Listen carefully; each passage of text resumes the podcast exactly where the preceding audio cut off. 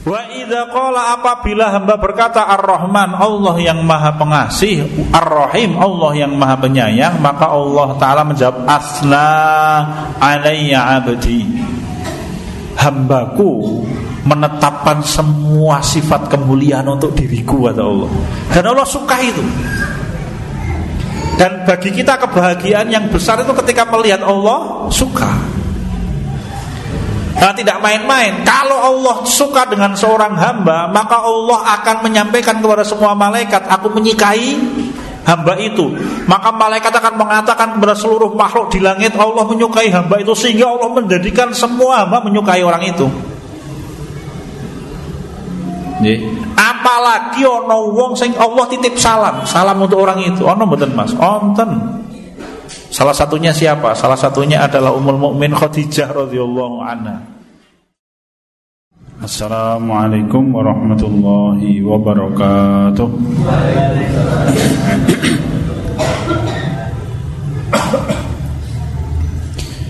Alhamdulillahi rabbil alamin. Innal hamdalillah nahmaduhu wa nasta'inuhu wa nastaghfiruh. Wa na'udzu billahi min shururi anfusina ومن سيئات أعمالنا من يهده الله فلا مضل له ومن يضلله فلا هادي له وأشهد أن لا إله إلا الله وحده لا شريك له وأشهد أن محمدا عبده ورسوله الذي لا نبي ولا رسول بعده. اللهم صل على محمد وعلى آل محمد كما صليت على إبراهيم وعلى آل إبراهيم وبارك على محمد وعلى آل محمد كما باركت على إبراهيم وعلى آل إبراهيم إنك حميد مجيد. أعوذ بالله من الشيطان الرجيم يا أيها الذين آمنوا اتقوا الله حق تقاته ولا تموتن إلا وأنتم مسلمون Hadirin sekalian Allah wa iyyakum Segala puji bagi Allah Ta'ala yang pertama saya wasiatkan untuk diri saya dan hadirin sekalian Marilah kita bertakwa kepada Allah Ta'ala dengan sebenar-benar takwa Pertemuan kali ini kita akan memulai pembahasan baru dari kitab Firqatun Najiyah. Babnya judulnya adalah Ar-Rahmanu 'alal 'arsyistawa.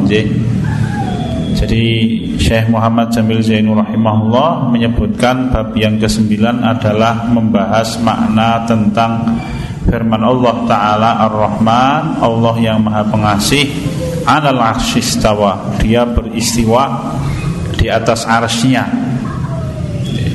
namun sebelum kita membahas ayat itu kita akan membahas dulu tentang apa makna Ar-Rahman Ar-Rahim. Salah satu nama di antara nama Allah yang paling dicintai oleh Allah Subhanahu wa taala. Sehingga nama ini harusnya menjadi salah satu bagian penting ketika kita bertawasul di dalam doa kita pada waktu kita memohon kepada Allah Subhanahu wa taala. Kenapa? Ada nama yang sangat dicintai oleh Allah selain Al-Hayyu Al-Qayyum yaitu Ar-Rahman Ar-Rahim. Nama Ar-Rahman Ar-Rahim adalah nama Allah Subhanahu wa taala yang paling sering disebut oleh manusia selain nama Allah. Sebagian ulama berpendapat bahwa nama Allah adalah nama yang paling agung oleh sebab itu Allah menyebut dirinya Allah. Jadi Allah Ta'ala menyebut Bismillahirrahmanirrahim. Dengan nama Allah yang maha pengasih dan maha penyayang. Ya. Sifat Ar-Rahman Ar-Rahim adalah satu sifat Mohon maaf nama Ar-Rahman dan Ar-Rahim merupakan nama yang mengandung sifat yaitu kasih sayangnya Allah Subhanahu wa taala yang tidak ada batas. Menawi Imam Ibnul Qayyim al-Jauziyah rahimahullah ketika menafsirkan firman Allah wonten Al-Fatihah ya Alhamdulillahirabbil alamin arrahmanir rahim kemudian maliki yaumiddin Pertama adalah memuji Allah Segala puji bagi Allah subhanahu wa ta'ala Yang menguasai alam semesta Kenapa? Karena zatnya Allah itu terpuji seluruhnya. Matanya Allah, penglihatan Allah sangat indah dan sempurna. Dan Allah memiliki penglihatan Maka Allah menamai dirinya Al-Basir Yang maha melihat. Dan penglihatan Allah sempurna Sangat indah. Allah Ta'ala memiliki wajah. Ya maka Allah Ta'ala menyebut orang-orang yang beriman adalah orang-orang yang beribadah untuk mencari wajah Allah Ibtighaan wajah Allah. Mencari wajahnya Allah Ta'ala. Dan wajahnya Allah sangat indah. Besok orang-orang yang beriman diizinkan oleh Allah Ta'ala untuk melihat Allah. Sebagaimana kita hari ini melihat bulan purnama yang tidak tertutupi oleh awan sedikit pun Allah Ta'ala beristiwa di atas arsnya. Nanti kita bahas setelah kita membahas makna Ar-Rahman dan Ar-Rahim. Dan istiwanya Allah Ta'ala pun itu sempurna. Ya. Jadi kalau panjangan sami ketika membaca Al-Fatihah Alhamdulillahirrabbilalamin adalah memuji Allah. Zatnya Allah itu semuanya indah dan semuanya harus dipuji Nabi kita Muhammad SAW pernah ditanya Pernah bertanya kepada para sahabat Tahukah kalian apa itu kursinya Allah Ta'ala Ingkang Allah sebut wonten ing surat Al-Baqarah? Ya ayat 256 ketika menyebut tentang ayat kursi itu. Wasi'a kursiyuhus samawati wal ard Lajeng para sahabat radhiyallahu anhu menyebutkan Allah dan Rasulnya yang lebih tahu Lajeng Rasul kita menyampaikan kursinya Allah adalah tempat Allah meletakkan kedua kakinya dan semua itu indah dan keindahannya maha indah itulah Allah Subhanahu wa taala. Rasul kita menyebut innallaha jamilun yuhibbul jamal. Sesungguhnya Allah itu maha indah dan menyukai semua macam keindahan. Kemudian ketika kita menyebut Ar-Rahmanir Rahim, lanjutannya dari Alhamdulillahirabbil alamin Ar-Rahmanir Rahim maka Ar-Rahmanir Rahim itu kita menyebut Allah yang maha pengasih dan maha penyayang di dalam apa? Di dalam mengatur alam semesta ini. Maka tadi Allah menyebutnya segala puji bagi Allah yang menguasai alam semesta. Ar-Rahmanir Rahim apa maknanya? Imam Ibnul Qayyim al-Jauziyah rahimahullah menyampaikan maknanya bahwa Allah mengatur alam semesta ini dengan kasih sayangnya. Pertama, kasih sayang Allah Ta'ala punika punopo semua makhluk yang membutuhkan rezeki Sampai makhluk yang paling ingkar kepada Allah diberi rezeki oleh Allah Subhanahu Wa Ta'ala Haknya diberi Bahkan sampai orang yang tidak peduli dengan Allah Dan mencari dunia seluruhnya Diberi oleh Allah Ta'ala bagian dunianya. Allah menyampaikan mangkana yuridul hayat dunya wa zinataha nuwaffi ilaihim a'malahum fiha wa hum fiha la yubkhasun. Siapa pun orang yang hidup di dunia ini sekedar mencari dunia saja nuwaffi ilaihim a'malahum fiha kami, aku Allah Subhanahu wa taala akan berikan semua hasil dari amal mereka seluruhnya. Dan bagian dunianya tidak akan dikurangi oleh Allah taala sedikit pun. Meskipun nanti di akhirat tidak mendapatkan bagian. Fil. Bagiannya neraka. Tetapi bagian dunianya Allah mengatur dunia ini dengan kasih sayangnya Allah. Ya, jadi bagian dunianya orang paling ingkar sekalipun diberi bagian dunianya oleh Allah Subhanahu wa taala. Itulah kasih sayang Allah taala bagi alam semesta ini. Semuanya dijamin dan semuanya diberi. Sampai binatang-binatang melata sekalipun meskipun binatang melata lebih berharga di hadapan Allah daripada orang-orang yang ingkar kepada Allah. Wa ma min dabatin fil ardi illa 'ala dan tidak ada binatang melata di dunia ini kecuali Allah yang menjamin rezekinya. Maka orang-orang yang beriman harusnya lebih tenang. Kenapa? Karena binatang melata saja dijamin oleh Allah. Langkung-langkung kalau panjenengan sami orang-orang yang beriman kepada Allah Subhanahu wa taala. Ini pertama kasih sayang Allah Taala punika pindah punika. Engkang mongko kali Allah Taala mewujudkan kasih sayangnya kepada makhluk itu apa-apa bila orang berbuat dosa itu tidak serta merta Allah membinasakan manusia karena dosanya diberi waktu. Walau yu'akhidullahu nasa bima kasabu ma taraka ala min. Kalau misalkan manusia itu berbuat dosa langsung dihukum oleh Allah Ta'ala sakal. Dengan hukuman yang layaknya dia terima Maka Allah tidak akan menyisakan satu binatang di dunia ini. Kenapa? Habis. Hancur hadirin sekalian. Misalkan ada orang mencuri Ya. Ingat umatnya Nabi Shu'aib alaihissalam itu dilaknat oleh Allah karena mereka suka mencuri bagian orang pada waktu menakar timbangan. Gitu. Dosanya Nabi Shu'aib, oh mohon maaf, dosanya umatnya Nabi Shu'aib alaihissalam. Hukuman apa yang Allah timpakan kepada mereka selain karena mereka mengingkari Allah Ta'ala Allah timpakan kepada mereka petir yang menghantam negeri mereka Sehingga semuanya mati Orang sisane hadirin Misalkan hari ini semua orang yang mengurangi takaran kemudian langsung oleh Allah dihukum, wis ora ana wong di dunia ini. Bayangkan kalau misalkan ada orang yang berbuat dosa liwat Betul liwat bahasa Jawa lho nih Mas, liwat bahasa Jawa mlaku. Liwat itu menyukai sesama jenis seperti yang dikerjakan oleh umatnya Nabi Lot alaihissalam.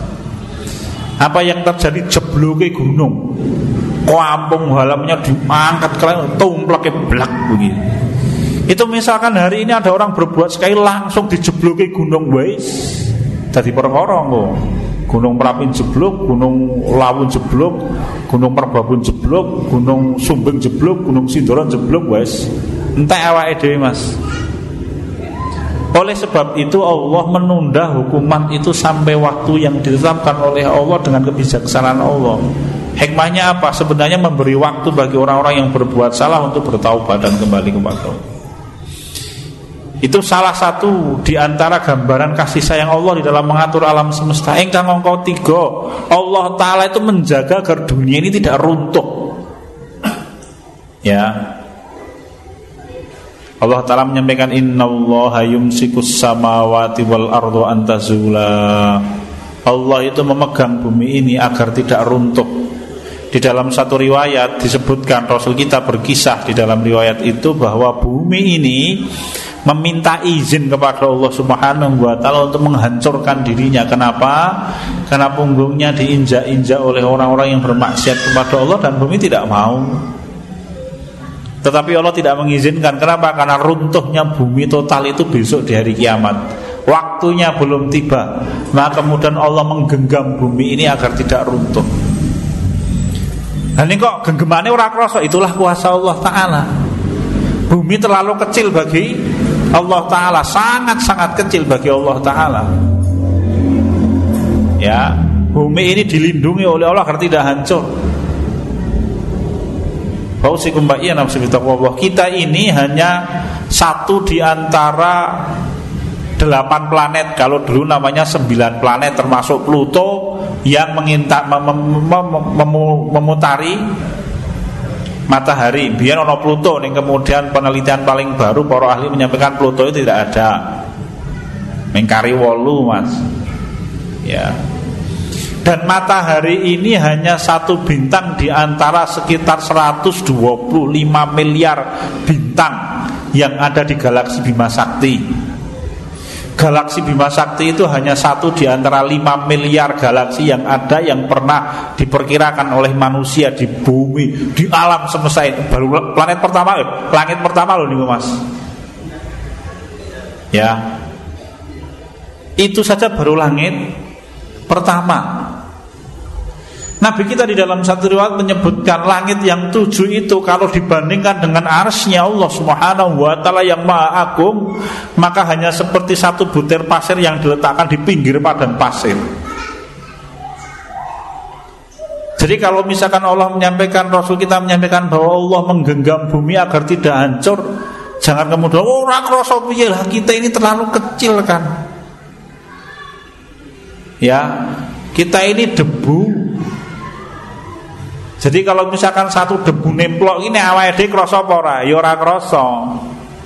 Debu nempel di mata kita itu tidak terasa, sing terasa itu nek apa pasir lagi krasa, Mas. To. Apa meneh watu sakmene iki nemplek. Oh, tonjo kuwi nggih to.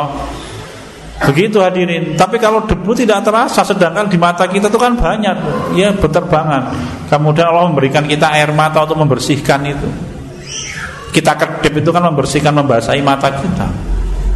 Terlalu kecil, J. Tapi intinya itulah kasih sayang Allah ketika bumi meminta izin untuk menghancurkan dirinya. Tidak diizinkan oleh Allah. Kenapa? Karena waktunya belum tiba nanti nih akhir zaman. Itulah kasih sayang Allah. Maka kita setiap hari memuji Allah. Alhamdulillahirabbil alamin. Ar-Rahmanir Rahim. Segala puji bagi Allah yang menguasai alam semesta dan segala puji bagi Allah yang mengatur alam semesta ini dengan kasih sayang Allah. Tetapi manusia tidak bisa memahami kasih sayang Allah Taala. Akhirnya mereka berbuat maksiat di bumi ini. Sehingga mendekati akhir zaman bumi itu semakin rusak Ya, akhirnya Allah Ta'ala dengan kebijaksanaannya menetapkan bumi ini nanti ono cuntele. Nek cerita Jawa, cuntel Mas, nek cuntel iki ora ono lanjutane pun rampung, yes, tamat. Nanti kapan waktunya Allah yang tahu? Hanya Allah dengan kebijaksanaannya Menyampaikan kepada Nabi kita Muhammad SAW Agar diberitahukan tanda-tandanya Dan kita sudah melihat tanda-tanda akhir zaman banyak Maliki yaumiddin Allah yang menguasai hari kiamat. Kemudian selanjutnya Selanjutnya Allah menyampaikan Maliki yaumiddin Dialah Allah Segala puji bagi Allah yang menguasai hari kiamat. Kenapa? Karena Allah menetapkan hari kiamat itu hari di mana Allah menegakkan keadilan. Jadi Allah menyampaikan tentang Al-Quran A'udzubillahi minasyaitonirrajim Inna lanansuru rusulana walladzina amanu fil hayati dunya Wa yawma yaqumul ashad Sungguh kami pasti menolong Rasul-Rasul kami dan orang-orang yang beriman di dalam kehidupan dunia Dan pada waktu hari-hari ditegakkannya persaksian Kapan itu hari kiamat? Karena Allah menetapkan keadilan hak di hari kiamat Orang yang baik mendapatkan kebaikan Orang yang berbuat jahat akan mendapatkan hukuman dan semuanya dengan kebijaksanaan Allah serta Allah tidak berbuat zalim kepada siapa pun. Sehingga kalau misalkan Fir'aun melebu neraka dan itu yang dijanjikan oleh Allah, itu karena keadilan Allah. Allah tidak berlaku zalim sedikit pun kepada Fir'aun. Justru nanti akan tidak tepat apabila Allah memasukkan Fir'aun ke dalam surga dan memasukkan Nabi Musa ke dalam api neraka maha suci Allah.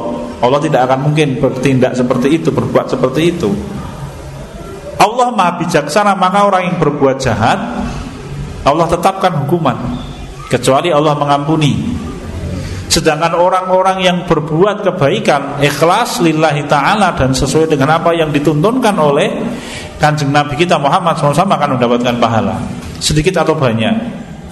Dan Allah itu maha bersyukur Maha bersyukur itu maknanya apa? Amal yang sedikit Itu besok di hari kiamat Orang-orang yang melaksanakannya akan terkagum-kagum Amal apa ini? Kenapa? Karena pahalanya sangat besar Itulah Allah Subhanahu wa taala. Sehingga kita perlu membahas apa itu Ar-Rahman Ar-Rahim sebelum kita membahas Ar-Rahmanu 'alal 'arsy istawa. Ya. Pertama kali mari kita bicarakan satu riwayat yang agak panjang ini disampaikan oleh Imam Bukhari, oleh Imam Muslim mohon maaf bukan Imam Bukhari ini. Nabi kita Muhammad Shallallahu Alaihi Wasallam meriwayatkan, kalau Allah Azza wa Jalla qasamtu sholata baini wa baina abdi nisfaini Kanjeng Nabi kita Muhammad Shallallahu Alaihi Wasallam menyampaikan sesungguhnya Allah Taala berfirman, "Qasamtu sholata baini wa baina abdi nisfaini." Nanti membicarakan makna Ar-Rahman Ar-Rahim tidak cukup dua pertemuan mungkin, nggih. Baru nanti kita membahas bab yang ke-9 yaitu Ar-Rahmanu 'alal 'arsy aku Allah membagi sholat seorang hamba ketika dia sholat Bagianku dan bagian hambaku. Ada dua bagian.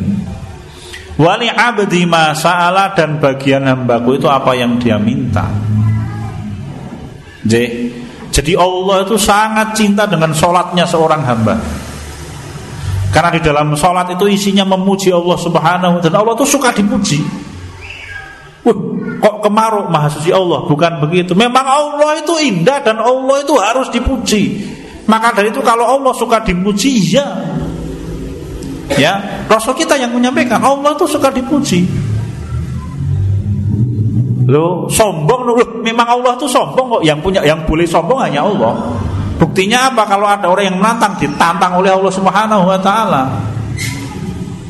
Ya Allah itu al-jabbarul mutakabbir wonten ing fatal hasyr Allah itu jabar yang dia berkuasa dan bisa memaksa segala sesuatu di alam semesta dan mutakabbir Allah itu sombong memang. Buktinya apa? Kalau ada yang menentang Allah ditantang oleh Allah Subhanahu wa taala. Dan Allah marah ketika ada hambanya yang berlaku sombong. Kenapa? Karena itu sifat miliknya Allah taala Rasul kita menyampaikan la yadkhulul jannata man fi qalbi mithqala habatin min khardalin minal kibr. Tidak akan masuk surga orang yang di dalam hatinya terdapat sebesar debu kesombongan. Lajeng seorang sahabat bertanya, "Ya Rasulullah, innar rajula yuhibbu ayyakuna thawbu hasanan wa na'lu hasana." Apakah sombong itu orang yang kepengen memakai baju yang bagus, sandale apik, omahe apik, apa tumpahane apik, Ya, bukan, bukan itu. Kalau memang panjenengan butuh silahkan. Ya. Tidak apa-apa, Anda punya rumah bagus buatan nopo-nopo. Itu selama memang berpenting bermanfaat untuk kita. Nggih, kalau panjenengan merasa butuh mobil, silahkan beli mobil. Tidak dicela di dalam Islam. Wong zuhud toh tumpahane mobil wong zuhud tumpahane yo ya pitontel lah dia butuhnya kerja Jakarta Jogja ya Mas nek ngepitontel ya telung sasi rong karuan ketung itu ketuk Purwokerto sangkles iki lebar kuwi ra sida ning Jakarta. Ya hadirin. Imam Syafi'i rahimahullah itu ditanya oleh muridnya, "Wahai Imam, mungkinkah seorang manusia di tangannya itu dia punya uang sebesar seribu dinar dan dia zuhud kepada dunia?" Seribu dinar itu berapa? Kira-kira 2 miliar lebih ya taruhlah satu dinar dua setengah juta 2,3 ya mas kira mungkin. 2,3 juta satu dinar itu. Kalau seribu dinar berarti ya 2,3 ya dua setengah wis. Dua setengah miliar hitungannya gampang pokoknya. Ya ngomong itu duitnya awake dewe kok. Gitu gampang wae pokoknya Mungkinkah orang yang dia memegang duit milik dia dua setengah miliar dan dia zuhud kepada dunia? Apa kata Imam Syafi'i rahimahullah? Iya. Apabila harta itu berkurang dia tidak sedih dan ketika harta itu bertambah dia tidak gembira, biasa saja. Kenapa? Karena bagi orang itu yang penting akhirat. Maka Ali bin Abi Thalib radhiyallahu anhu itu ketika ditanya apa itu zuhud, belum menjawab zuhud itu dunia engkau genggam tetapi tidak pernah engkau masukkan ke dalam hatimu. Niki sing ngendika wonge sembodo lho Mas. Presiden sing ngoten niku nggih to Mas. Nek kok wae dhewe ngono ya oh, pancen Kang Wangun kowe iki ora duwe duit. Itu yang menyampaikan Ali bin Abi Thalib radhiyallahu anhu. Ya. Monggo hadirin sekalian asadani Allah iyyakum. Ndak apa-apa boleh. Nggih. Jadi yang penting orang menjadikan kehidupan dunianya itu bagian untuk takorup kepada Allah Subhanahu wa taala. Sebagai bagian apa? Bagian penting dari kehidupan dia di dunia ini, takorup dia, ibadah dia kepada Allah Subhanahu wa taala. Ya. Qasamtu sholata baini wa baina abdi isbaini wali abdi masalah dan bagian hambaku itu apa yang dia minta. Faidah qala al-abdu Allah Ta'ala menyampaikan apabila hamba berkata Alhamdulillahi Rabbil Alamin. Segala puji bagi Allah yang menguasai alam semesta. Maka Allah Ta'ala berfirman Hamadani abdi. Allah menjawab Allah menjawab hambaku memujiku. Hamdun itu tadlil ya mas jadi hamdun itu lawan dari kehinaan. Pokoknya segala puji bagi Allah Subhanahu wa taala. Memang ini indahnya bahasa Arab. Kenapa kok panjenengan kudu sinau bahasa Arab? Mari kita lanjutkan lagi. Wa idza qala apabila hamba berkata Ar-Rahmanir Rahim, Allah yang Maha Pengasih dan Maha Penyayang, maka Allah menjawab asna alayya abdi.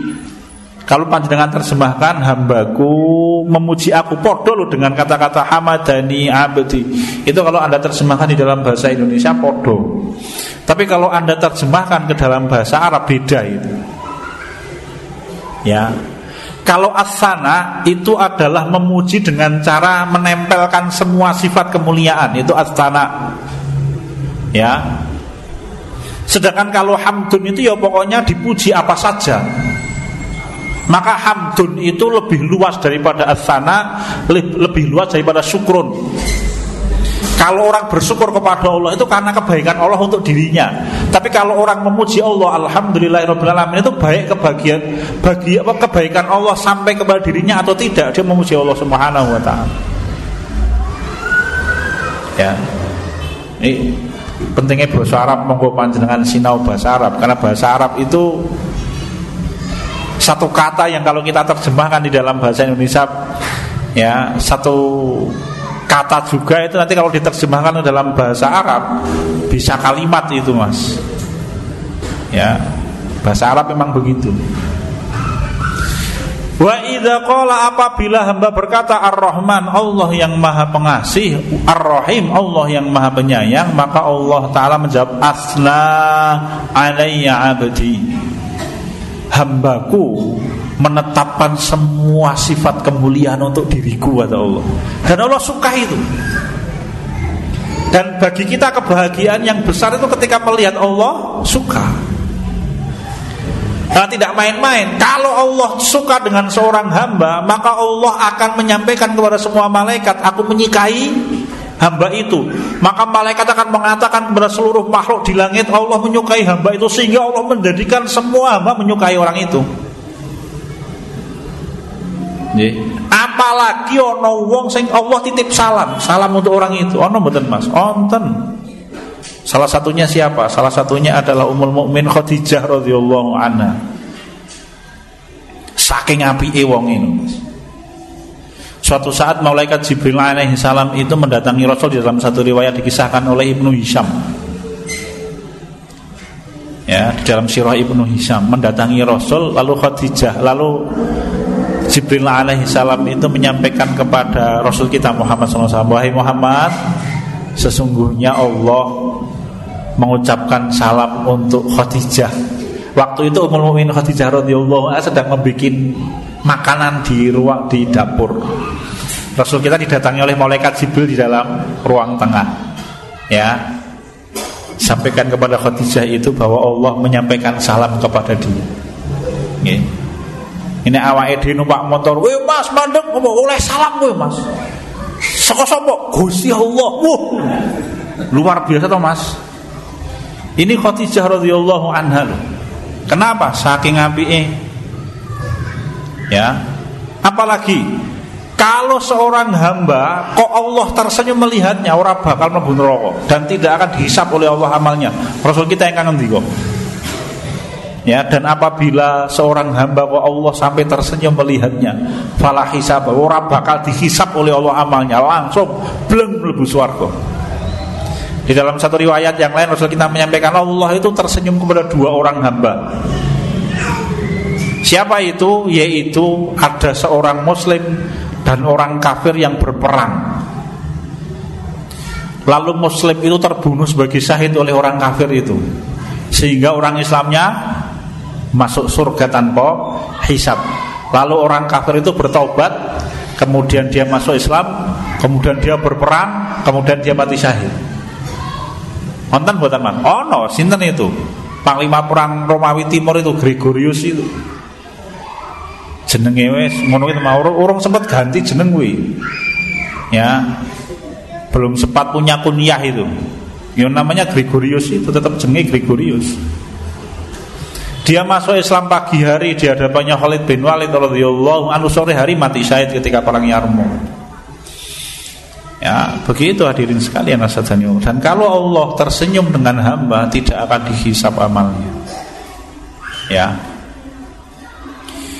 Wa idza qala Berapa menit, Mas? Masih lama. Dan apabila hamba mengucapkan Maliki Yaumiddin Anda bisa membacanya panjang Maliki Yaumiddin Anda bisa membacanya pendek Maliki Yaumiddin Karena memang ada dua macam bacaan Tapi kalau ada membaca surat An-Nas Beda loh ya Surat An-Nas itu bacaannya hanya satu Maliki Yaum Maliki Nas Mohon maaf, maaf. Jadi kalau surat An-Nas itu bacaannya pendek. Maliki Nas. Eh kok Maliki Nas? Mohon mas. Ya malikin nas. Panjang mohon maaf. Ya. Tapi kalau Al-Fatihah bacaannya dua. Ya bacaannya dua. Anda silahkan memilih salah satu bacaan itu. Anda baca panjang dipersilahkan. Anda membaca pendek dipersilahkan. Ya.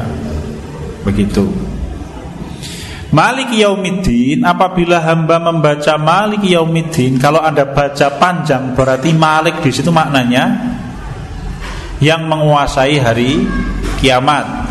Kalau Anda baca pendek Malik Malik Maliki Yaumiddin bacaannya pendek mohon maaf maka berarti Anda menyebutnya raja. Dialah Allah yang merajai hari kiamat. J Qala maka Allah Ta'ala menjawab Majadani abadi Hambaku Memujiku. Ya. Wa idza qala iyyaka na'budu wa iyyaka nasta'in. Apabila seorang hamba mengucapkan iyyaka na'budu wa iyyaka nasta'in hanya kepadamu wahai Allah kami beribadah dan hanya kepadamu wahai Allah kami meminta pertolongan. Maka Allah taala menjawab hadza baini wa baina 'abdi. Ini bagianku dan bagian hambaku. Maka bagiannya Allah mana? Ibadahnya hamba kepada Allah itu bagiannya Allah. Namun ngemetakan loh bagian Allah itu bukan berarti kemudian Allah membutuhkan ibadahnya hamba boten Ya. Allah tidak butuh, Allah itu maha mulia. Allah tidak butuh dipuji oleh siapa pun karena Allah itu maha terpuji. Alhamid itulah Allah Ta'ala. Rasul kita di dalam satu riwayat yang lain Haris Qudsi menyampaikan Allah Ta'ala berfirman Ya Ya ibadi law anna awwalukum wa akhirukum insukum wa jinnukum. Yakumu ala sa'idin yakunu ala qalbin mu'min yu'minu bi. La yazidu min mulki syai'a wahai hambaku Kalau jin yang paling awal sampai jin yang paling akhir Manusia yang paling awal sampai manusia yang paling akhir Itu keimanannya seperti satu orang Dengan puncak keimanan Taruhlah keimanannya koyok dini keimanannya Kanjeng Nabi kita Muhammad Shallallahu Alaihi Wasallam seluruhnya itu tidak akan mengurangi tidak akan menambah kekuasaan Allah sedikit pun.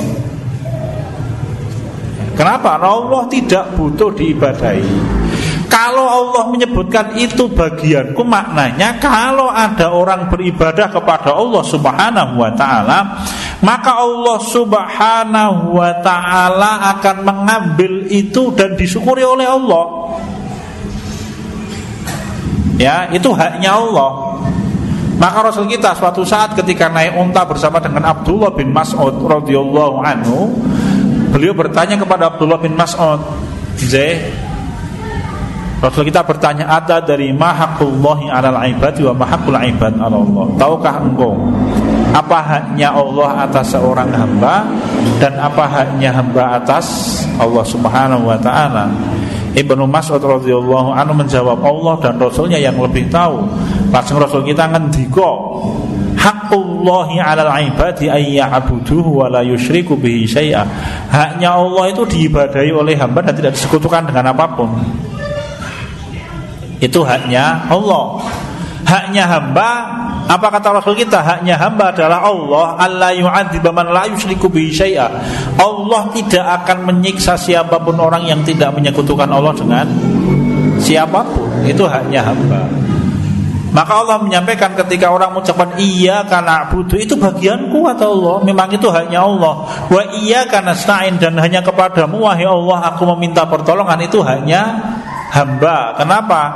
Karena nanti kalau siapa pun orang ya yang meminta tolong kepada Allah dan dia tidak suka melakukan perbuatan dosa, ya dia tidak memutus tali silaturahim, apalagi dia tidak memakan makanan yang haram, dia tidak mengerjakan hal-hal yang menghalangi dosa, eh, menghalangi doa, Allah berikan jawabannya. Ya. Wa idza salani la ujibanna wa la in ista'adani la u'idzanna wa taring hadis sahih hadis qudsi riwayat Imam Muslim. Kalau aku telah mencintai hambaku, maka apabila dia meminta, pasti aku beri. Kalau dia meminta pertolongan, perlindungan, pasti aku berikan perlindungan. Ya, dan itu bagiannya, bagian hamba. Ya.